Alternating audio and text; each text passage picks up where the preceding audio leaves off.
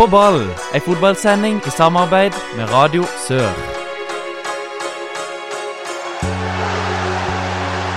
Publikum stormer banen! Ta dette målet og heng det opp på veggen! Det er noe av det fineste jeg har sett! Tverrliggeren ned i bakken og opp i nettaket. Fantastisk! Hjertelig velkommen til en ny episode med På ball. Mitt navn er Anders Lastad, og jeg skal lose deg gjennom den neste timen her på Radio Sør. Hører du på podkastversjonen, ja, da blir det kanskje 40-50 minutter. I dag så skal vi snakke om uh, Vindbjart. De rykker ned fra andredivisjon nå. Vi skal innom uh, Obos-ligaen, og vi skal innom uh, dramaet som utspiller seg i fjerdedivisjon. Med oss i studio i dag har vi John, Ja, hallo. og så har vi med oss uh, en ung, lovende journalist som er frilans i Feven, Henrik Gill. Velkommen. Ja, takk for det. Veldig bra å være her. Du har jobba mye med, med Start eh, og Obos-ligaen i år, har du ikke det? Jo, jeg har det. Jeg har eh, dekka mye Start, Jerv og Arendal, egentlig, i Fevens store satsing eh, på, på de sørlandslagene. Så det har vært veldig gøy. Ja, og så har, du, har skjønt at du òg har litt med Vipers å gjøre. Mm. Ja, den siste tida har det vært egentlig mest Vipers. Jeg er så å si på hver hjemmekamp og streamer bortekampene for Feven. Så det, det er veldig gøy å være med på den suksessen der og så følge det. Det er jo helt sikkert en klar, klar forskjell mellom det å dekke en fotballkamp og det å dekke en håndballkamp. Klarer du også å formidle hva, hva forskjellene på det, disse to idrettene når du sitter på tribunen? Ja, det, det er litt forskjellig. For eksempel hvis du tar Start og Vipers, så sammenligner de. Eh, når du kommer på Vipers-kamp, så kommer du gjerne en halvtime før. Trenger ikke å være så mye mer enn det. Og så er det et arrangement da som varer i en og en halv time. Eh, og da er det stor ståhei. Terje Markussen og, og de gutta i Vipers er utrolig flinke til å lage et godt arrangement. Det er veldig gode trøkk på tribunen, og det er mye rundt. Pauseunderholdninger og underholdning før og etter, eh, etter kampen. Eh, og så er det hjem da etterpå det, egentlig. Uh, mens Start er litt, litt annerledes. Litt som å dekke en, en vanlig fotballkamp. Du kommer en, en stund før, gjør det du skal, og så er det ganske lenge etterpå og skriver og sånn. Så det Ja, det er litt forskjell.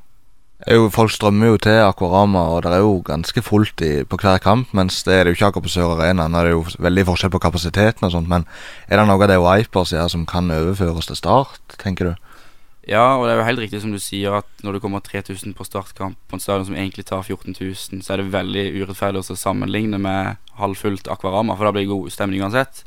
Men, men det å lage et ordentlig arrangement og skape litt entusiasme, det er Vipers utrolig gode på. Eh, og det er Start ikke så god på, mener jeg. Eh, Start har jo hatt eh, sånn, en kampanje to ganger den sesongen, tror jeg. Det er sånn der, For én burger og ei krone, så kommer alle inn på stadion. Mm. Og da var det veldig god trøkk. Ja, men da, det sa de jo at de skulle holde på med hele sesongen, egentlig. Ja, det er litt usikker på, faktisk. Ja, for- den. Ja, og så var, var det den kampen mot Strømmen, det. Der det ble tap. Nei, det var vel mot Florø, tror jeg. Det var mot Florø, ja. Men det var ikke all verdens underholdning, det heller. Nei, de vant 2-0, men eh, det var vel ikke Men, ja, men nå har jo Terje Markussen sagt at han skal få folk til å snakke om Vipers i lunsjen, og ikke bare Start lenger, for det er et styrkeforhold mellom de to idrettene. Tror du han klarer det? Nei, jeg er jo veldig glad i å overdrive ganske så mye, så det tror jeg blir utrolig vanskelig. For det er jo veldig mange som har startet sitt hjerte her på Sørlandet. Men, eh, men det at Vipers At folk begynner å snakke veldig mye om de til daglig, det tror jeg de kan skje. At de skal danke ut Start, det tviler jeg veldig sterkt på. Vi må jo litt videre eh, med din eh, fotballkarriere. Har du noe Du har vel en liten bakgrunn fra fotballen, du òg? Ja, jeg har jo det. Ikke så veldig mye å vise det på seniornivå, men jeg har jo spilt fotball siden jeg var fem år. Eh, og da har jeg spilt fotball i Fløy. Og vi har jo vært helt ja, ganske gode på Hvis du ser på Kristiansandsnivå, da, så jeg har jeg et kretsmesterskap i 2015 da, å vise til på juniornivå. Så det var vel der jeg hadde min peak, da. Og det er for Fløy. For fløy, ja. Har du spilt sammen med noen som er aktive i dag? Ja, jeg har spilt sammen med Lasse Sigurdsen, som spiller i Start. John Olav Norheim spiller nå i Fløy. Han har spilt i Start, og KFUM og Nessotra. Eh, så det er vel egentlig de som er mest kjent som jeg har spilt med. Men jeg har også trent mye med, med seniorlaget til Fløy. Det er også, så jeg kjenner mange av de gutta som spiller der. Posisjon på banen? Det var midtstopper. Midtstopper, ja. Men, eh, ja. Og så er det en bror som spiller i Fløy nå. Ja, eh, han lillebror, fireåringen med, han er 17 år. Eh, Christian Gill heter han. Eh, Han er keeper, veldig ung og lovende keeper som fikk sin debut for A-lag til Fløyna i tredjedivisjon divisjon borte mot Viking 2 på Viking stadion. Så det syns han var veldig kult, og han har en veldig lovende fremtid foran seg. Det har han absolutt. Kult. Vi må ta en liten pause, og så er vi tilbake eh, om noen få minutter. VK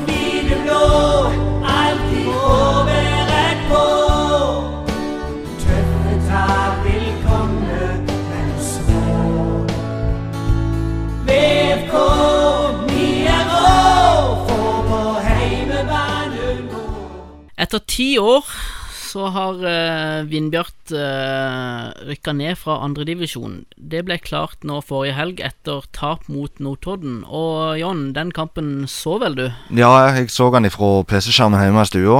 Uh, og det var jo en kamp som på forhånd var veldig vanskelig, og, men utgangspunktet var enkelt. Uh, Vindbjart måtte ta poeng og helst vinne mot Notodden, som jakta opprykk i andredivisjon. Og det var veldig vanskelig allerede fra starten av. De ble presset hardt bakover, de måtte klarere, noe du aldri ser Vindbjart gjøre. Eh, og Notodden, som er et veldig bra lag, presset Vindbjart godt. eh, De pressa de ut av stilen? altså. ja, jeg vil si det, og sto høyt. Og Vindbjart kom seg nesten ikke over midtbanen i, i, i begynnelsen. Så kom det seg litt etter hvert, men, men eh, Notodden tok jo ledelsen ganske tidlig. Eh, via en uh, Vindbjart-spiller og i mål, da. Så det er jo litt sånn symptomatisk, syns jeg, da. Det er litt sånn typisk Vindbjart i år, liksom har stang ut hele veien. Ja, og Notodden har jo ganske stang inn nå for tiden. Det er jo formlaget oppe i, i, i Fra sommeren av så er det vært det beste laget i andre divisjon. Uh, og de syns Notodden egentlig holder trykket oppe ganske lenge. Vindbjart får spille litt mer ball i andre omgang, men de er utenom et frispark fra Kristian Foller, og så keeper redder helt opp i krysset, så er de egentlig ikke i nærheten av å ta poeng i den kampen. Og til slutt så satser de litt ekstra framover, og, og Notodden sin 2-0 på en kontring. Ja, og med dette nedrykket så eh, kommer det også en nyhet nå i utover denne uka her. Ja, Vindbjart, Vindbjart har jo vært i andredivisjon i ti år. Ja. Og det er en uh, Vindbjart-spiller som har vært i klubben i ti år. Det er altså uh, Øyvind Gausdal. Ja, takker for seg nå. Og det har vært litt sånn uh, Det virker ut som han kan ha telt litt på knappene i løpet av sesongen i år. Kjent litt på Jeg tror det var snakk om at liksom Han skal, sa jo til FVN eller til lokalavisen at eh, det var eh, Enten så var det opprykk med Vindbjarte, eller så var det ingenting neste år. Og når det da ble nedrykk, så, så ble avgjørelsen etter han, jo, han er jo i pappaperm nå og litt sånt, så, så det er tungt å spille i andredivisjon. Han er 31 år. Det, det går sikkert an å holde på lengre, men eh, det virker ut som det var Vindbjart eller ingenting. Hva slags forhold har du til Gausdal, Henrik? Gausdal er en veldig fin fyr. Eh, han er jo en utrolig målmaskin i andredivisjon. Han har en utrolig statistikk. 219 mål. Ja. Mm. Fikk jo sjansen i start. da Det gikk ikke helt som, helt som planlagt. Fikk ikke så mye sjansen der, men det er jo ikke noe tvil om at han er en, liksom en kulthelt i Vindbjart. Og selv om jeg er en fløygutt, eh, og det er snakk om Vindbjart, så har jeg utrolig respekt for, for, for både Vindbjart og, og Øyvind Gausdal, det de har gjort i disse ti årene. Så det er veldig tungt da for hele, hele bygda at de nå skal ned. Det var fascinerende å se på Twitter i dag når denne nyheten kom. For at det var ikke bare på Sørlandet det ble skrevet om uh, Gausdal. Det har vært folk fra Nord-Norge. Det har til og med vært tvitra om det fra London. Mm. eh, med han som følger førstedivisjon tett. Uh, tett. Ja, Ben Wells. Ben Wells, ja. Og jeg har sett eh, til og med Vard-spillere og Notodden-spillere som har tagga hverandre i, på Twitter under disse innleggene om at Nesten jublende. Ja, nesten jublende. Det var annet Robert Kling som tagga keeperen til, til Vard, eh, som de, de to spiller på lag, da. At eh, yes, endelig får jeg fred. Og eh, så var det Erik Midtgarden på Notodden som tagga midtstopper Steffen Jensen, som, som har hatt mange tøffe kamper med Gausdal opp gjennom året. Det er klart at uh, Gaufdal har vært en spiller som er vond å møte, og en spiller som absolutt er frykta blant midtstopperne og keeperne i Ja. andredivisjon. Utrolig vanskelig møte, men jeg tror det var sånn der gjensidig respekt. Eller iallfall de har hatt respekt for han, da. At de sikkert hater å spille mot han fordi at han er såpass bra, men at han òg er så tøff i duellspillet. Altså, han vinner jo nesten alt inn i boksen. Så det skal jo bli vanvittig spennende å se nå om Vindbjart har tenkt å erstatte han, eller om de har tenkt å prøve å spille på en annen måte. Det tviler jeg jo litt på. Ja, Hvis vi skal gå inn på erstattere, da. Har de erstatterne allerede i egne rekker i eh, Emil Pedersen? Nå har han vært skada veldig lenge. Veldig vanskelig å si. Jeg har ikke sett han spille så mye, men han skårte masse mål i vinter. Han hadde bl.a. et hat trick han skårte mye på hodet. eh, Det skal bli spennende å se om de satser på han, eller om de prøver seg på noe annet. Nå skal de jo ned i tredjedivisjon, sånn at eh, kanskje de ikke trenger å sikte så høyt som de ville måtte gjort hvis de var i andre. Og da har jo vi sett en del spennende spillere i fjerde i år i hvert fall. Ja, absolutt. Har du navn, Jon? Ja, sånn umiddelbare forslag så De hadde jo han eh, Lyngdal-spilleren eh, Igland, Karl, Igland, Morten, ja. Karl Morten Igland, Ja. på prøvespill i vinter. Mm. Ble ikke det noe av den overgangen der, men mot- mot Don blant annet, eh, så var det en spennende spiller. Litt, veldig annen type enn Gausdal, da. Det er han. Eh, Litt, bak- litt mindre bakromspiss. Eh, Ja. Eh, ikke mindre bakgrunnsspiss, men han er en. Han er en Ja, sånn, ja. ja. Eh, og så så vi jo kamp på mandag òg, det skal vi komme tilbake til etterpå. Men der spilte Sinan Maksumic på Våg. Mm. Han tror jeg har vært innom Vindbjart før. Eh, så spørs det om han har lyst til å vende tilbake og sånt. Men på banen, da, som eh, spiller, så virker han god nok. Eh, kanskje ikke heller den hovedspilleren som Gausdal. Det er jo ingen som er det i tredjedivisjon. Men uh, har veldig, et veldig bra venstrebein og mange spennende ferdigheter. Skåret masse mål i år. Kanskje det kan være to stykker som får prøve seg på trening, i hvert fall i vinter. Det var det vi hadde om Vindbjart. Eh, Etter pausen så er vi tilbake med Obos-ligaen. For vi skal danse med myggen i sola. Vi skal danse med myggen i regn. På tirsdag som var, så spilte Start eh, en veldig viktig kamp mot Ranheim. Eh, Det ble 4-2. eh, I et fryktelig ruskevær, egentlig. Ja, det var kaldt der oppe. Eh, men det gode spillere varma jo. Ja, Eh, I hvert fall etter hvert, for det begynte jo tøft. De, ja de, de fikk en veldig tøff start. Ja, hadde jo gjort noen endringer før ja, de hadde gjort noen endringer med, med Åse ut og Skålvik ut på kanten. Mm, Og så var Damien Lowe kommet inn for uh, Tapio. ja. Og du kunne nesten se bak deg, iallfall fra start, at det var litt shaky. Iallfall når du får 2-0 Ja. så kjapt. Nå er det jo bare, bare andre kampen i hvert fall på Sør Arena at vi ser Lowe og, og Simon Larsen sammen, men jeg syns ikke det er en sånn veldig overbevisende kjemi mellom dem. Litt stor avstand mellom dem og, og sånt. Og de to første målene er jo Det første er jo selvfølgelig kontring, som er veldig bra, og sånt, men ser litt lett ut. Ja, Eh, men at Start klarer å komme tilbake der og skåre to mål, mål før pause og ja to hodemål fra Fortåren som eh, viser at eh, han er luftens baron og viktig for Start. Ja, han har liksom noen, noen ferdigheter der som ikke så mange andre har. Litt sånn Fellaini i United. Der kan, hvis han, ikke så bra med ballen, men hvis han kan komme inn i boksen, så, så er han ganske bra. Utover i andre omgang så trykker Start på og får til slutt ei skåring til. Ja, det er jo den store helten på, på Sørlandet, Skålevik, som gjør det. Eh, spiller kant og er egentlig ikke så mye involvert. Han, han springer veldig mye, og når du jobber både defensivt og skal komme inn i, i boks på innlegg, så, så blir du jo av og til liggende litt, litt imellom, og det gjorde han jo. Mm. Men eh, det er klart, når du skårer mål, og, så er det jo to mål. Er han en spiller Start bør prøve å få inn neste år òg? Veldig vanskelig å si nei på det eh, når han skårer så mye mål. Eh, veldig fine typer òg, virker det som. Så. Hva syns du, Henrik? Er det, er det noen indikasjoner dere har fått som at han kan være aktuell neste år? Ja, jeg tror eh, for Start sin del så vil han være et fantastisk tilskudd hvis de får han med La oss si de rykker opp til Eliteserien, som de fleste tror. Eh, fordi han er en hardtarbeidende type som alle i spillergruppa liker, inkludert eh, treneren også, i hvert fall Steinar Pedersen før han eh, gikk av. Men Så jeg tror han vil være en fantastisk tilskudd eh, neste, neste år også, for han har noe som ingen andre i klubben har. Han har den avslutningsferdighetene som han fra 25 meter inn mot mål, så er han alltid farlig. Og en sånn spiss har Start savna lenge nå. Så det at han har kommet inn, det har vært eh, kjempebra for klubben. Og så er det et eller annet med den vanlige skal jeg si det i gåsehud, den vanlige fotballsupporteren. Eh, de ber egentlig bare om én ting, og det er innsats. For det, er liksom, det må ligge i bånn, da. Og det gjør det alltid hos Skålevik. Det er aldri noe tull. Nei, du Og så, jo det. Han Ja. eh, var fram og tilbake, og han var tom etter eh, Ja, jeg tror faktisk jeg har sagt det før òg, men han fortjente jo kramper, liksom. Han, han sprang sokkene av seg i nok en gang, og når han da skårer i tillegg, så, så blir han fort en favoritt hos veldig mange. Han legger også på til 4-2, og det blir 4-2, så veldig viktig Ja. for Start. Liker det jeg ser på slutten òg, der de faktisk evner å holde ballen uten å nødvendigvis dra ut tid så veldig. Sett inn Daniel Aase der. Mm. God til å altså Han fikk jo publikum til å reise seg, selv om det var ting han gjorde midt på banen. Det var jo tunneler og dragninger og Og sammen med Christensen der helt på slutten, veldig bra. Ja, de spiller tiki, tiki sammen. Ja, og Christensen var jo for øvrig veldig, veldig bra. Ja, jeg syns det. altså 17 år og tar ansvar, står fram, spiller i mellomrommet der og er involvert. Hvis du setter det litt på spissen, så er han involvert i alle målene. En annen ting med Start i det siste er jo at de har eh, begynt å stenge treningene, og det fører jo til noen utfordringer for, for media. Eh, Du er jo kjent med Start, eh, Henrik. Hva syns du om det at de stenger treninger og gjør spilleren utilgjengelig for intervju? Altså, jeg skjønte det første gangen når de gjorde det rett etter Steinar Pedersen ble sparka. Da var spillerne ganske forvirra, og de visste ikke helt hva som skjedde. Eh, og da var det vel bare én eller to dager til bortekamp mot Strømmen. Så at, de, at de gjorde det da, det har jeg full forståelse over.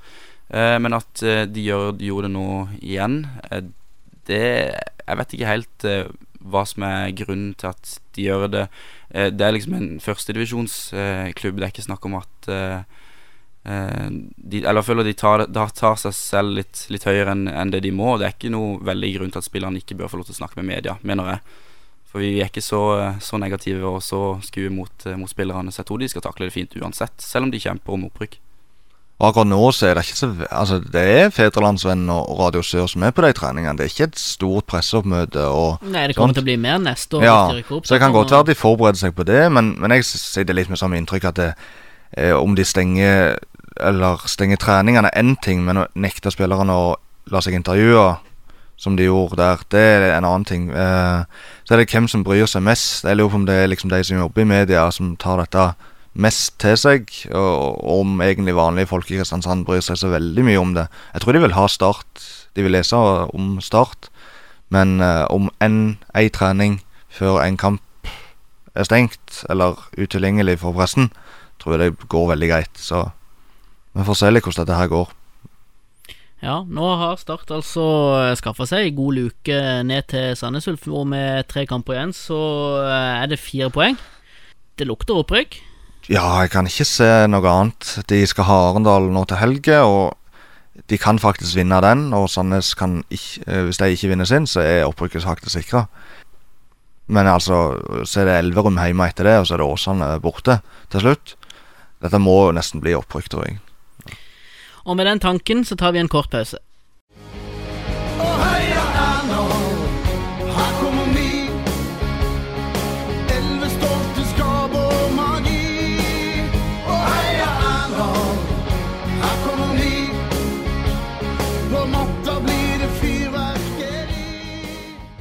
I helga som var, så var Arendal på besøk i Sandnes, og den kampen endte 2-2. Uh, igjen slipper Arendal inn helt på slutten. Eh, det begynner å bli en vane nå at de på poeng eh, i slutten av kampene år. Vane, ja. Det, det har det vært hele sesongen. Men isolert sett så er jo 2-2 i Sandnes vanvittig bra. Ja, eh, problemet er jo bare det at nå er du i en sånn Ikke livsfarlig situasjon, men du kan rykke ned, da. Så det, i fotball er det jo livsfarlig. Eh, men de jeg synes de er litt uflaks òg, for at de får et annullert mål i første omgang, som jeg mener er feil. Og eh, så skårer Sandnes, og så klarer de å komme tilbake. Leder 2-1. Og så når 2-2 kommer, da, så tenker du at det er samme gamle regler. Åssen ser du på situasjonen i uh, Arendal, uh, Henrik? Det har jo vært uh, veldig mye skuring rundt det. Det har jo vært rykter om at det er noe som skjer internt i styret, at det er veldig mye krangling, at de ikke er helt fornøyd med, med situasjonen. Helt åpenbart, da. Eh, Mathias Andersen tok jo over, og det var veldig mye lovende med nyspillere. Peter Kovacs inn, veldig mye entusiasme, ny stadion, som kom altfor seint.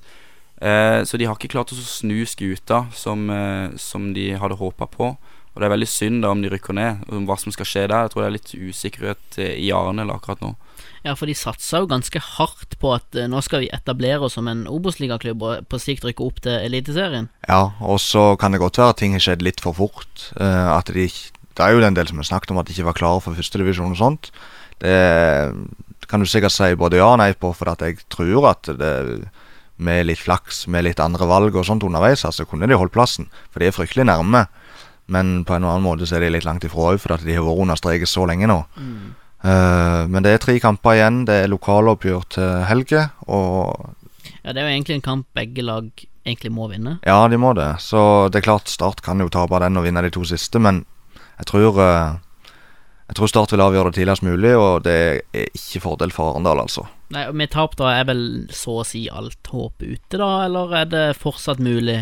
Ja, jeg, vet, jeg vet ikke, men det som er jo Det er at Start, vet du, de, de kommer fra en kamp der de har snudd 0-2 til 4-2, så hvis Arendal får et tidlig mål, så er jo ikke det Da er ikke kampen ferdig, for å si det sånn. Nei, jeg tror Arendal kommer til å få det veldig vanskelig mo- mot Start. Det blir en veldig gøy kamp, eh, absolutt. Og det er jo tre kamper igjen, og det er jo Fredrikstad som er to poeng, tror jeg, over Arendal på kvalikplassen. Så hvis de, de taper mot Start, Arendal, så er det fortsatt en mulighet. Men, eh, men det ser jo veldig tungt ut, og jeg tror de kommer til å få det veldig vanskelig i, i Derby nå til helga, altså. Jeg vet ikke, nå vet jeg ikke hvem Fredrikstad har igjen, men jeg har sånn følelse at de kommer til å ta ett eller tre poeng, eh, Og med, og med poenglikhet så stiller jo Arendal veldig svakt med den målforskjellen de har. De er jo ni mål bak eh, Fredrikstad. Ja da, det er sånn at de må helst ta det på poeng, og det, det er ikke så Det er ikke noe hokus pokus her i slutten, egentlig, men uh, seire må til. Ja, Men hvis vi skal se litt på Arendal sin sesong sånn sett under ett, så har veldig mye av poengtapene kommet helt på slutten av kampene. Ja, Og jeg har regna litt på det, og jeg har funnet ut at de har tapt 13 poeng eh, etter å Ja. slippe inn mål etter 87. minutt. det er jo helt enorme tall, egentlig. Det, det kan jo ikke være noen i den divisjonen i hvert fall senere enn det. Nei, jeg tror heller ikke det. Så hvis du hadde lagt til de 13 poengene, da, bare sånn Hypotetisk. sett, så hadde de jo vært foran Jerv. Ja. Så er, er, det, en- er det kondisjon det står på, er det vilje, eller er det rett og slett bare det mentale? Jeg tror, Når du ser hele sesongen under ett, så tror jeg det er noe mentalt. Eh, mot Sandnes ble de enormt pressa. Det, det kunne, at det utligningsmålet kom, det tror jeg kunne skjedd uansett pga. det store presset. da Men eh, tidligere i sesongen så vet jeg ikke. Det, jeg tror ikke det var mentalt i begynnelsen, liksom. At Nei. de var så på bånn der. Nei, jeg så veldig mye Arendal under, under Knut Høre. Og da var, de var Arendal var kompakte bakover, øh, og de prøvde å spille sitt spill. De var veldig dårlige på den siste tredjedelen og fikk ikke ofte det målet de trengte. Og når motstanderen da gjerne skåra 1-0, så måtte de fram og satse, og de slapp inn utrolig mye kontringsmål på slutten. Ja. Og det, du skal jo ikke slippe kontringer imot på slutten. Og, men det som er så merkelig, for jeg har jo sett Arendal en god del kamper. Jeg syns ikke de ser så, har sett så veldig dårlig ut bakover. Men de slipper inn veldig mye mål, så det er akkurat som motstanderen trenger så få sjanser for å skåre på dem. Mm. Så det er et eller annet galt i det vært. Det har vært veldig mye bytta spillere, da. Og men Vi skal heller ikke trekke noen konklusjoner, men fire av de syv kampene det har skjedd, de har skjedd under, uh, under Mark Mathias Andersson. Ja. Og eh, det skjedde i tre kamper på rad. ja, det var jo en fryktelig periode der. Jeg husker det toppa seg vel mot Levanger. Ja. Eh, når de slapp inn to sene mål og gikk ifra ledelse til tap helt i sluttminuttene. Så vanskelig å si. altså Mathias Andersson gjorde det så bra i Fløy, og han virker som en veldig bra trener, egentlig. Men det er akkurat som det bare er veldig vanskelig å Å snu skuta. Ja. Han har vel ikke akkurat vært eh, kjent for sin eh, defensive tilnærming da, Mathias Andersson. Nei. Han er jo en, eh, en trener som tenker på framover og angripe, så det kan også ha noe med det å gjøre, kanskje. At det, det taktiske mot slutten og sånn, når de skal forsvare en ledelse, at det kanskje ikke har vært hans sterkeste side. Nei, for der har du igjen den kampen mot Fredrikstad hvor de slipper inn på straffe. Ja. Da la de jo om til fem bak og flytta Kovac, som de nesten etterpå hadde bytta inn som spiss. Ja. Satte de inn som stopper. Og da blir du veldig baktunge hvis du ikke er vant med å spille fem bak eller tre midtstoppere. da. Men det er lett å si her og nå. og sånt. Det, det er klart Fredrikstad slo mye langt der, og, og Kovac skulle inn og vinne de duellene. Og så, og så var det vel Hens inn i straffen som gjorde, eller feltet som gjorde at de fikk straffe. da, Så mye tilfeldigheter som går imot Arendal. da. Men eh, i lengden så er det vel ferdighetene det står på. Vi går videre til Jerv. De eh, gikk jo på en real smell mot Ullkisa i helga. Tapte 7-1. Er det rett og slett bare det at de ikke har noe å spille for, eller er det bare totalt blackout? Den er vanskelig å svare på. Så ikke kampen, men vi satt her og snakket om det, at det, skulle bli tøft mot Ullskisa, som er i god form. Men altså, 7-1 forventer du aldri. Eh, så faktisk første omgang også, og det, det rareste med også Jerv denne sesongen, at de har sånn spillemessig, rent spillemessig så har de vært veldig gode i år, altså. Ja. Og de var faktisk bedre enn Ullkisa i første omgang, og slapp inn eh, tre mål på tre sjanser eh, fra vår hjemmelaget. Så det, det var ganske utrolig, og det har jo vært litt sånn Jerv i år også. De har gått på et par sånne smeller borte Ja. faktisk denne sesongen. Hadde vel et 0-5-tap i Kongsvinger òg, tror jeg. Og så, så er det litt sånn, Jeg vet ikke om vi skal sammenligne, for jeg så ikke den kampen heller, men Arendal òg 0-5 i Elverum der. Eh, der alt bare renner inn. Jeg vet ikke om det kan være noe sånn Obos-liga-greier på slutten av sesongen, men det er jo helt vilt uansett. 7-1 mot eh, et lag som spilte i andredivisjon for to år siden. Ja, Og som egentlig nå kjemper om eh, kvalik. Ja, og de Ære være til deg. Niklas Sandberg med fire mål. Ja, der var det vel en sak òg. Ja, jeg leste Eurosport kalte det for Norges raskeste hat trick på 40 år. Det stemmer vel ikke helt. De har, for det første så skåret han ett mål i første omgang, og tre mål veldig kjapt i andre omgang. Sånn at det er jo ikke et ekte hat trick eh, når eh, det første mål Ja, de, de tre første målene blir jo ikke som et raskt hat trick å regne. Det er de tre siste der. I tillegg så brukte han vel fire minutter på å skåre de tre i andre omgang, da. Mm. Men eh, ser du på det raskeste hat tricket, så tok det 1.57. Det var satt i 1977. Eh, og så er det jo andre eh, rekorder som jeg har lest om på, på nettet nå. Kenneth Eriksen for eh, Egersund, som jeg kom ifra, han skårte hat trick på, på under to minutter. Og det samme gjorde en som heter Torgeir Hansen, som spilte for Fyresdal. Han skårte på halvannet minutt. Og- Så det, det var bare ett Google-søk ifra å få det rett. da. Ja. Men så har jeg jo sett nå på Twitter i de siste dagene at det er en av Jerv sine spillere som er blitt valgt ut på årets U23-lag i Obos-ligaen. Kan jeg tenke deg hvem det kan være? Nei, Jeg ville, skal vel på venstrebekken, kanskje. Ja, kanskje Kristoffer Tønnesen. Nei, det må Eh. bevege deg opp på andrebekken. bekken. hvem Vim- Wembangomo. Ja, det var jeg overraska over. Ja, Da ja. tenker jeg at det er en på Sør Arena som heller burde fått et ord med i laget. Ja, Det er akkurat det samme jeg tenkte, men det er altså Ben Wells som har lagt Eller satt det laget Ja, Han til liv. følger jo veldig godt med på Obos-ligaen. Og god er en bra offensiv back, han. Eh, ikke vært så imponerende de kampene jeg har sett. Har selvfølgelig ikke sett alle kampene, men litt overraska over det, må jeg si. Han har jo et utrolig driv framover i banen. Ja, han er jo utrolig kjapp, men uh, har jo vært direkte skyld i mange baklengsmål, og mange viktige baklengsmål denne sesongen for Jerv, så akkurat det ble jeg litt overraska over, det mener jeg. Ja, så føler jeg at kanskje han har vært best i noen av de kunstgraskampene som de har spilt. Det har jo vært hjemme på Levermyr, så er det ikke gått så veldig bra. Så nei, den stusser jeg litt på. Ja, det var også flere som stussa på den, men Ja. jeg ville bare ta opp den. eh, Men det er ikke vi som er Obos-eksperter. Det er jeg ikke. Eh, vi tar kort om runder som kommer. Vi har allerede nevnt uh, Lokaloppgjøret. Lokaloppgjøret Arendal Start. Den går på lørdag klokka tre. Skal vi si noe mer om den? Nei. Annet at, at det er must win for egentlig for begge. Mm, og det er meldt flom i Kristiansand, sikkert i Arendal òg, så Ja.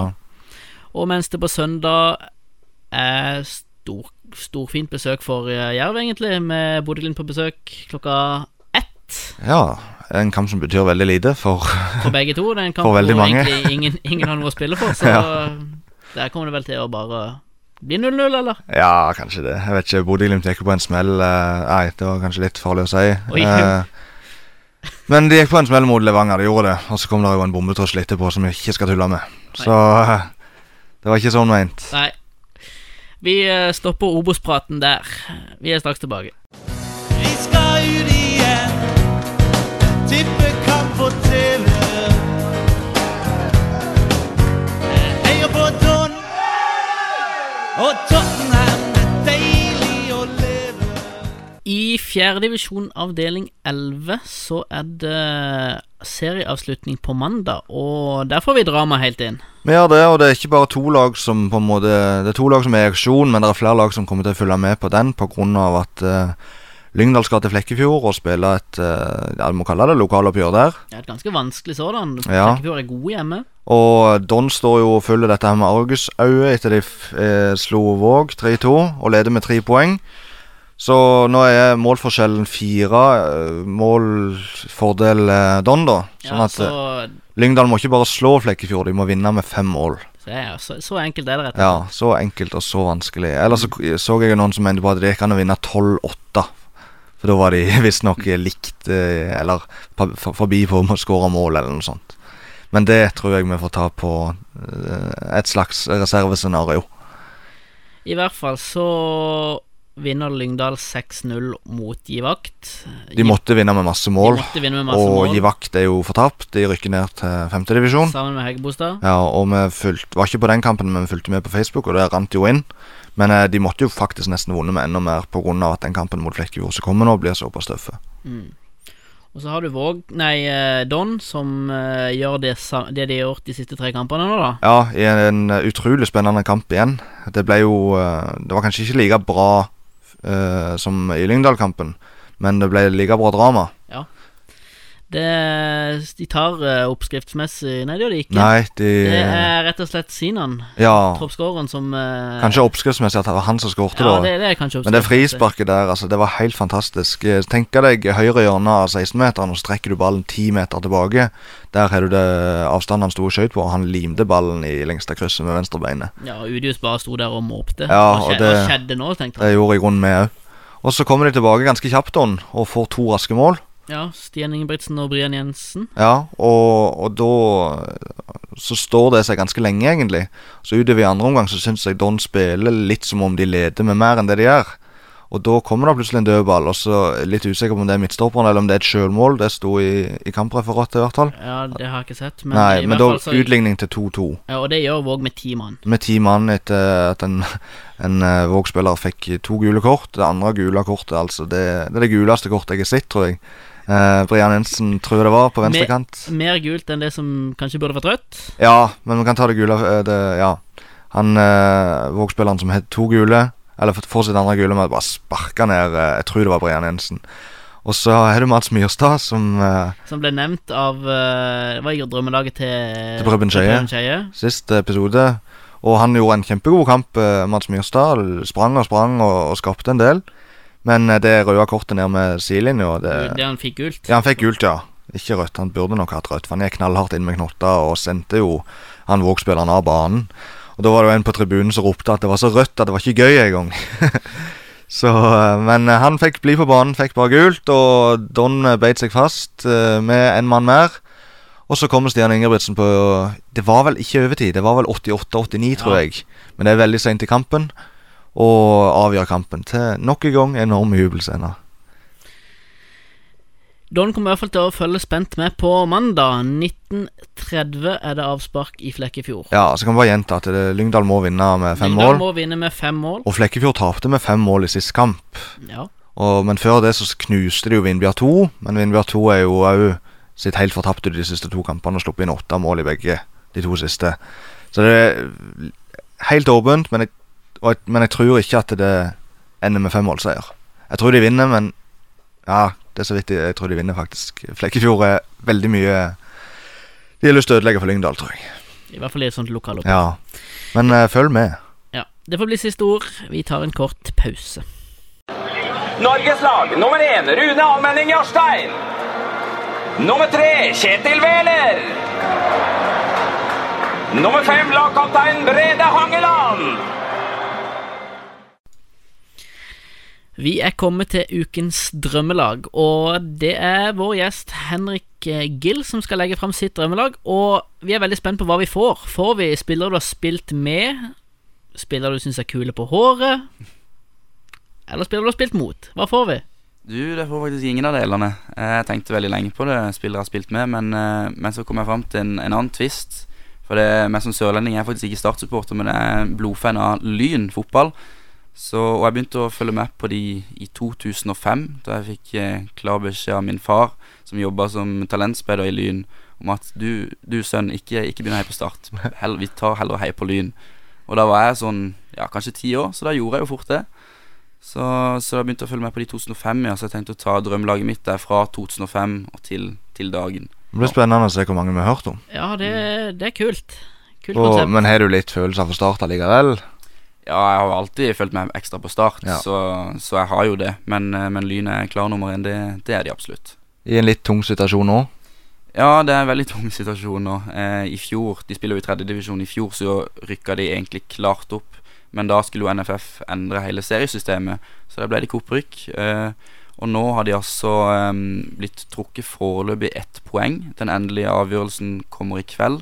Hvis de blir trukket tre poeng istedenfor, så De leder jo tredjedivisjon, men da er det Stabæk 2 som overtar ledelsen før siste serierunde. Ja, for der er det en, en case med en uberettiget spiller som gjør at de kanskje blir trukket tre poeng. Ja, det var rundt et halvt år siden så brukte de en spiller som jeg tror var på karantene, egentlig, mot eh, Reddy, et Oslo-lag. Men eh, denne klubben Reddy da har ikke klaga, lagt inn denne klagen før nå nylig. Så det er derfor de ikke blir mest sannsynlig trukket tre poeng, men heller ett. De blir trukket uansett, men så blir det enten ett eller tre. Ja, det er det folk forstår noe Ja. nå, da. Så den endelige avgjørelsen tror jeg kommer senere i kveld, eller i hvert fall innen lørdag. Men tilbake på drømmelaget. Eh, hvilken formasjon får vi? For en eh, 4-4-1-1-formasjon. Skal vi bare begynne bakerst? Ja, vi kan begynne bakerst er en eh, keeper som i hvert fall de fleste som har fulgt med på engelsk fotball, har hørt om Ali Al-Habsi. Spilte jo i Lyn eh, et par år, fikk tror jeg 63 eller 64 kamper for Lyn. Såpass, ja. Ja. God keeper fra Oman. Ja. Eneste landet i verden på O. Ja, og det er jo ikke, det er jo ikke flust med fotballproffer fra Oman heller, så han er en veldig, veldig god keeper. Ja, og er vel ennå i England, så vidt jeg vet. Ja, er han i championship? Jeg tror det. Uh, i Wiggen Wigan siste jeg hørte, i hvert fall. ja, så var han innom Reading. Mm. Uh, ja. Ja. En god CV, han. Absolutt. Høyrebekk. Høyrebekk går for eh, Lars Christian Eriksen. Uh, Mannen til Karoline Berg Eriksen. ja, eh, Mest kjent for det, nesten. Ja, nesten Mm. mest kjent for det, men han hadde faktisk en karriere i Lyn også. Mm. Det skal ikke glemmes. Så han var faktisk, når han ikke var skada, selv om kallenavnet hans var Kjeksten på bekken, Mm. for han var alltid skada i Lyn nesten, så fikk han eh, mange kamper. Når han først spilte, så var han veldig god, før han gikk til Lillestrøm og var også god der. Ble jo tippeligaspiller veldig tidlig, og så ble han jo midtstopper i Odd etter hvert. Og gjorde det faktisk ganske greit der òg. Har han lagt opp nå? Jeg tror det. Ja, det, det tror jeg også. Men han var veldig solid når han først spilte fotball. Det var han. Hvis vi beveger oss inn på eh, midtstopperplass, hvem er det som skal stoppe motstanderens angrepsrekke? Ja, eh, For alle som har hjerte i Lyn, så er høyre midtstopper veldig åpenbart. Og det er Tommy Berntsen, selvfølgelig. En eh, klubblegende through and through. Og han var med på, på alt og det meste med Lyn. Og har vært solid fra start til slutt i, i hans karriere, så han er et åpenbart førstevalg på den plassen. Er han spilt i Vålerenga? Jeg er litt usikker på om han har karriere, spillekarriere i Vålerenga, men Mm. han eh, trener jo Vålerenga enten juniorlag Ja, eller sånn er det kanskje, ja. trener. Det må vel være greit. Ja, Ja, det, det er Ja. faktisk innafor. Det, det tåler vi. Så det, det går greit, altså. Mm. Hvem skal Hvem har han på sin side? På sin side så har han litt uortodoks eh, valg, kanskje. For jeg går for Mats Dam, som ikke fikk så veldig mange Aha. kamper i eh, Eliteserien, eller da Tippeligaen. Men han er en skikkelig eh, klubblegende og blir kalt egentlig bare Mats Dam Supermann. For det han Når klubben gikk konkurs i 2010, så var det mange, eller flere av spillerne som gikk inn for å redde klubben da ut av egen lomme. Han var en av de, sammen med blant annet, blant annet Tommy Berntsen. Eh, og han uh, fikk faktisk tilbud, sier han selv, da fra øverste divisjon, og de var nede i Adeccoligaen i Norge, og også utlandet. Men han valgte å bli Lyn og være med de helt ned til fjerde divisjon først. Han var med og spilte ganske lenge, var han ikke det? Jo, han var det. Han, uh, er bare inntil et par år siden han ga seg fullt og helt i Lyn pga. studier, tror jeg. Så uh, han er en skikkelig klubblegende. Jeg husker han som en veldig, veldig god eh, spiller, egentlig. Mm. Og var jo ikke noe verken, eh, Han var ikke gammel eller ferdig som fotballspiller når han valgte å ta turen ned. Nei, det er jo ikke. utrolig sp spesielt og kult valg for, det, for deg som holder med Lyn. Ja, det er stor, stor respekt til han. Han var også en veldig god fotballspiller. En 95 høy, stor høyreist midtstopper, så, så han var veldig god, han, altså. På venstrebekken, hvem uh, har du trylla fram der? Der har jeg trylla fram uh, Steven Lichtu, en, en danske. Han er egentlig midtstopper, men han hadde et par kamper på venstre back òg, så for å få plass til alle sammen, så la han om til venstre back. Han ble, fikk jo kallenavnet Psycho av Bastionen, Ja. fordi han gikk så utrolig tøft inn i taklingene. Han la ingenting imellom. Så han var en eh, fantastisk spiller å ha på laget. En forferdelig spiller å spille mot. Jeg satt faktisk og venta på han når du skulle lese opp midtstopperne. Men uh, det var nesten litt godt han kom på venstrebekken. Ja. Stort hjerte for han, Jon. Ja, stort hjerte, men jeg husker han veldig godt fra den tiden når du liksom begynte å følge med på Eliteserien eller Tippeligaen. og Han var jo en skikkelig harding. Så veldig klassisk i det oppgjøret mot Vålerenga. Da sto jo han fram. Skal vi bevege oss framover på midtbanen? Vil du begynne med kantene, eller vil du begynne sentralt? Eh, Jeg kan begynne med høyre kant, og så gå mot venstre. Eh, Som høyre kant har jeg faktisk Jo Inge Berge. Som mm. fikk eh, debuten for Lyn når han var bare 16-17 år. Han var jo et supertalent i Norge. Han fikk bare fem kamper første perioden hans i Lyn før han gikk til Odinese. Men ble lånt ut eh, tilbake ganske snart og var med på denne tøffe turen da når Lyn Det var spillerflukt fra Lyn når de holdt på å gå konkurs. De rykka ned til Adeccoligaen. Og da var han liksom den ene stjernespilleren vi hadde da, som trylla frem eh, et par mål og også en Ja, han eh, gjorde det aller meste alene når det var en skikkelig tøff situasjon. Ja, Hun var ganske fast på landslaget etter Lagerbäck tok over. òg. Er jo veldig annerledes nå enn han var som unggutt. Da var han jo teknisk og kunne ligge litt i tierrollen, mens nå er han mer hardtarbeidende kant. Jeg vet ikke om spillestilen nå speiler utseendet hans eh, litt. eh, Han eh, har i hvert fall endra seg veldig både i spillestil og utseende. Mm. på midtbanen, får vi eh, sånne jordfreser, eller får vi tekniske vidundere? Eh, ja, kanskje mer tekniske. Eh, jeg har valgt eh, midtbanepar med Stefan Gislason og Thomas Sokolowski. Stefan Gislason jo, fikk jo kjapt heltestatus i Lyn og overtok kapteinspinnet ganske så kjapt når han kom inn. Skikkelig sjef på midtbane. Han hadde alt, egentlig. Staut forsvarer, også god, godt driv framover med ball i beina. Og det vi husker han best for, i hvert fall jeg husker han best for, det var hat tricket hjemme på Ullevål stadion mot Brann i 2007. Så han var også en, en god målskårer. Han hadde det meste. Så er det også Thomas Sokolowski, som er litt mer teknisk spiller, pasningsspiller, men han var også veldig god. Litt sånn talent som aldri slo helt til. Ja, helt enig. Spiller jo i andre div nå, eller ja, Asker, ja. Mm, Mente vel han kunne komme inn på hvilket som helst eliteserielag? Ja, han mente det. han gjorde det. Han var også veldig lysten på utlandet, men som du sier, han oppfylte ikke potensialet sitt helt, kanskje, og endte opp i Viking og, og Brann. Mm. Venstre kant. Ja, venstre kant har vi en sørlandskjenning. Da gikk jeg for eh, Espen Hoff. Mm. Eh, I den perioden Lyn gjorde det så bra på midten av 2000-tallet, så var han en fast invitar på den venstrekanten. Eh, noe som jeg mener han var, som var hans beste posisjon alltid. Han kunne skjære inn og, og skåre masse mål. Så, eh, så han er fast invitar på den venstrekanten min, altså. Meget bra Espen Hoff. altså Jeg tror det er fjerdeplass på det meste kamper i Eliteserien noensinne. Uh, Skårte vanvittig mye mål òg. Og det er bare det laget du nevner nå, liksom Det er nesten glemt Lyn. Det er litt sånn supportsmøte i, England. Var oppe der i mange år og, og gjorde det bra. De hadde jo nesten gull eh, et år òg, kanskje før 2005, da du begynte å følge med. Men, Mm. men de, var, de var bra, altså. Ja, derfor er det så ekstra trist å si snakke om Ja, det er jo det. Men så er det litt godt å få snakka litt om det òg. Ja, veldig. Det, det er det absolutt. Da er det en i tierrollen. Da er det en i tierrollen og en spiss. Ja, i tierrollen har vi jo en eh, tidligere englandsproff, Jo Tessem. Som spilte i Ja. Southampton, tror jeg det var også. Mm. Han uh, herja jo på slutten av 90-tallet i, i Lyn, før han gikk til England uh, og spilte der. Så kom han også tilbake uh, ja, på midten av 2000-tallet og var en veldig viktig brikke da. Han var veldig teknisk begava, Mm. høy, staut eh, kar også. Så han hadde egentlig det meste, og han hadde veldig mange fine detaljer på fotballbanen. Nå er veldig spent på hvem som skal skåre målene på dette laget her. Det har jo vært noen spisser der, så jeg er litt spent på hvem du velger. Ja, det har vært veldig mange, som jeg sier. Du har jo f.eks. Odion Igalo, som spiller fast Eller Mm. spiller i Premier League nå. Du har uh, Kim Holmen, som er mest kjent for sine feiringer. Han har vært på et drømmelag tidligere i denne podkasten, Ja, faktisk. jeg vurderte han også sterkt. Men jeg går altså for uh, Shinedu Obasi Ogbuke, bedre kjent som Edu. Mm. Han er den beste spissen jeg har sett i Lyn noensinne, sånn som jeg har fulgt med, i hvert fall.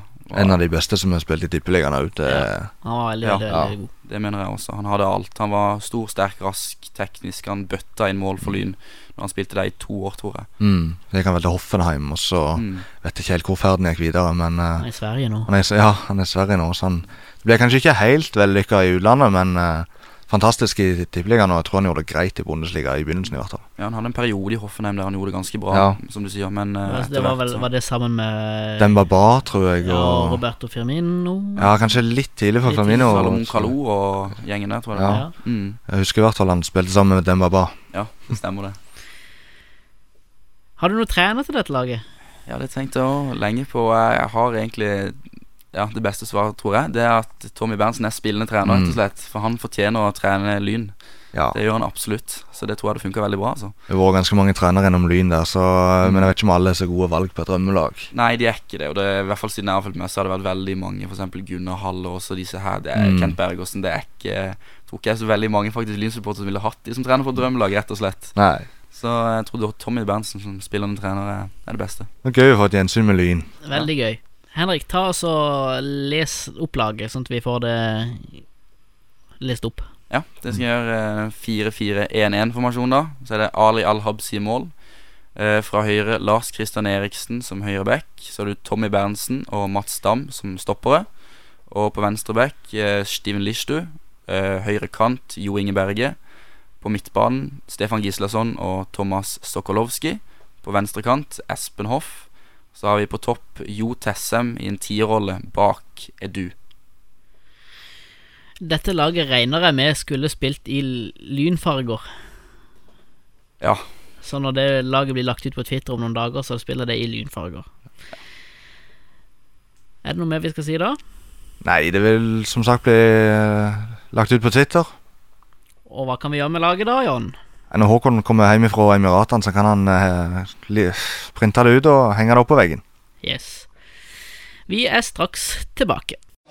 Altså, der, jeg syns vi mangler litt lite eh, intensitet. At vi, vi, vi, er litt vi er der, men vi er ikke der. Altså, vi, vi er der, men vi er ikke der. Altså, vi, I ukens Der, men ikke der, så skal vi til et lag som nylig rykka ned fra tredjedivisjon, Ekspress.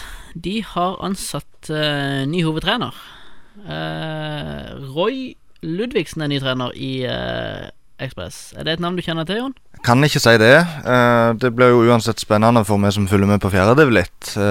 Ekspress var ganske sjanseløs i tredje i år, og, vi kommer nå ned og skal spille mot de andre lokale lagene. De skal slippe å få reise så langt. Så får vi se hvor de ender på tabellen neste år. Vi må også innom eh, litt yngre alderstrinn. Eh, det går godt i kretsene, og Vigør, gutter 13, og Vågs jenter 14 har blitt kretsmestere, så det må vi bare gratulere de med. Og det gror altså godt i de klubbene. Kanskje får vi se noen på A-lagene til de respektive om noen år. Vi avslutter med eh, litt eh, mer på Henrik. Vi fikk inn et en påpekning om at du klarte å få et rødt kort i eh, bedriftsserien eh, i vinter. Stemmer det? Ja, jeg må jo innrømme at det stemmer. Jeg har faktisk aldri fått et rødt kort i hele mitt liv på elvkarriere. Så begynte jeg å spille bedriftsserie nå i fjor. Eh, fjor høst til nå i vinter i år. Og da, i den nest siste kampen, så, så var jeg så irritert. For det er jo bedriftsfotball, ikke sant? Og vi har en del spillere på vårt lag som har spilt litt fotball, i hvert fall. Så når det kommer sånne folk som er skikkelig røffe i taklingene, så ble vi litt irriterte. Og etter kampen da, så sa jeg til dommeren som ikke hadde så god kontroll, etter min mening da, at du dommer, du har egentlig ikke så god kontroll, så jeg syns ikke du bør dømme denne kampen, egentlig. Og da ble han veldig lite fornøyd med meg. Så da, etter hvert som han fant fram kortene sine, så gikk han rett hen til meg og sa du, du spiller ikke seriefinalen neste kamp. Så dro han fram røde kort. Og direkte rødt for den. uh, direkte rødt for den kommentaren. Hørtes ut som du oppfordret til dialog her, men uh... Ja, jeg gjorde egentlig det, men uh, han hadde veldig lite kontroll. Men altså, vi var veldig vanskelig begge lagene, så det var jo meg som var litt dum. Selv om jeg akkurat da var veldig uenig. hva lag er det du spiller på der? Spiller på et lag som heter MHG Crocodiles, og det er fordi jeg studerer på journalistikk på Mediehøgskolen oppe på Gimlekollen. Vi har starta opp et studentlag, så vi har spilt eh, tredjedivisjon bedriftsfotball. Så rykka vi opp, da. Det må sies denne sesongen. Ja, vi har hørt litt rykter om en eh, ganske bra opprykksfest der. Ja, Det stemmer. Det var veldig gøy. Så har vi òg fått et eh, spørsmål, eller ikke spørsmål, men eh, du var i student-NM nå i, som var, i helga som var, Stemmer det? i Sogndal. Mm. Eh, Åssen gikk det? Eh, sportslig ikke så veldig bra. Det var veldig god stemning blant oss, og vi gikk der med en innstilling med at eh, gutter, nå skal vi ha det gøy. Eh, og det hadde vi jo veldig. Eh, vi, spilte, vi spilte først gruppespill, og det var det, den ene kampen først mot det antatt svakeste laget. Vi burde vunnet den kampen, men det endte 1-1. Så tapte vi rett og slett for bedre motstand eh, de to neste kampene, selv om vi spilte ok. Så sportslig var det i så som så, men det var en utrolig gøy tur. Vi har jo hørt rykter om at det var en, en feiring som uh, må utdypes. Uh, kan du utdype om den? Ja, det kan jeg. Etter vi røk ut av gruppespill, så spilte vi to, lag, to kamper til. Sånn opp, oppvisningskamper mot lag vi, vi slo. Uh, og i den første kampen så, så vant de 3-1 til slutt, tror jeg. Og det ene målet ble skåret av Tor Henrik Stensland. En ganske ræva skåring, faktisk. Det var, det var et skudd fra 16 meter, så er han en liten luring der en, som spiss. Og, og tepper inn eh, 2-0, tror jeg det var, fra omtrent 5-6 meter. Så han løp først tilbake mot halvsirkelen for at de skulle starte på nytt, men så tok han en skikkelig U-sving og begynte å løpe ned mot cornerflagget for å feire for seg sjøl. han sier sjøl at han prøvde å stjele en sånn boblefotballball som var på ti meter unna selv fotballbanen, men han kom aldri så langt, heldigvis. En gøy tur, altså. Ja, veldig gøy tur. Det, det skal huskes. Jeg ser på tida at uh, den er brukt opp. Vi må rett og slett gi oss. Eh, takk for at du som lytter hørte på, og takk til Henrik for at du ville komme. Jo, bare hyggelig. Det var veldig gøy å være her. Og takk som alltid til Jon. Bare hyggelig. Da gjenstår det bare for meg å si at eh, vi snakkes og høres. Prøver seg. Espen Ruud! Ah!